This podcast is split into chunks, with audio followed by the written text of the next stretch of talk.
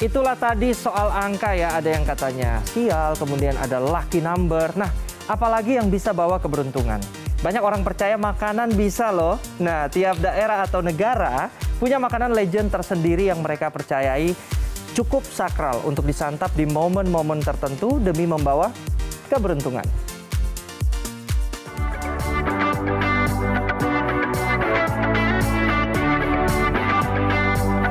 Makanan yang paling sering disebut membawa keberuntungan adalah mie, terutama bagi negeri Cina dan beberapa negara Asia. Apalagi di acara ulang tahun, mie jadi lambang panjang umur. Seruput terus ya mie-nya, jangan sampai putus. Masyarakat Tionghoa juga percaya ikan membawa peruntungan bagi penyantapnya. Biasanya, ikan rebus yang disajikan habis tak tersisa demi berkah kesehatan. Pada ikan misalnya, dikatakan uh, keberuntungan karena cara mengucapkannya sama dengan you. Nah, you ini kurang lebihnya artinya adalah berlebih. Di beberapa negara Amerika Utara serta Eropa, tradisi makan ikan untuk peruntungan tahun baru juga dilakukan. Warga Polandia misalnya menyantap ikan herring Ikan dianggap lambang kemajuan karena ikan berenang maju ke depan.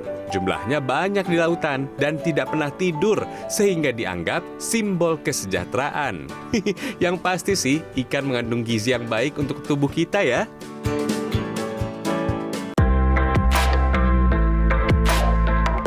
Kalau di negeri ginseng Korea, sup tteokguk yang dipercaya membawa berkah. Yang suka drama Korea pasti tahu kan, isiannya irisan kue beras tipis-tipis seperti ini. Yuk, seruput selagi hangat sampai habis, biar beruntung saat bertambah usia.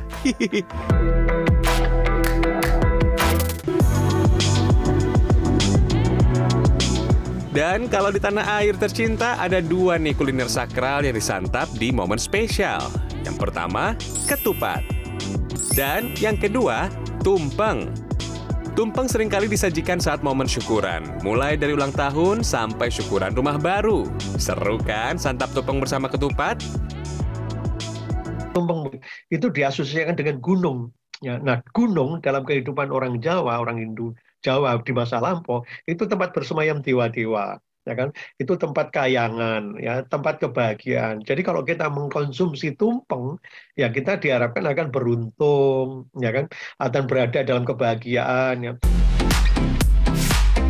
Sementara ketupat selalu dirindukan saat momen Idul Fitri. Ketupat dalam tradisi Jawa Islam memiliki makna ngaku lepat atau mengakui kesalahan. Anyaman ketupat menjadi simbol hidup manusia yang penuh lika-liku. Nah, menu keberuntungan setiap daerah memang berbeda karena adanya proses simbolisasi masyarakat tertentu yang menghubungkan fenomena satu dan lainnya yang menghasilkan pemaknaan.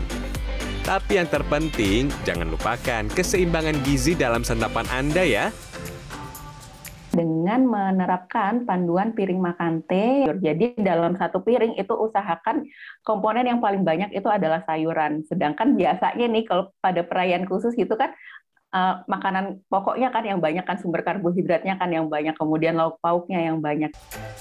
Kalau gizi sudah seimbang, diikuti dengan gaya hidup sehat, maka Anda akan beruntung mendapatkan kesehatan. Tim Liputan CNN Indonesia.